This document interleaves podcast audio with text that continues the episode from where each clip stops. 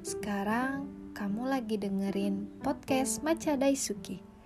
Terima kasih ya sudah mau mendengarkan. Ya, aku tahu banyak hal yang sulit untuk ditangani. Tapi coba kamu berhenti sejenak dan syukuri berkah yang sudah kamu dapati. Oke? Semangat!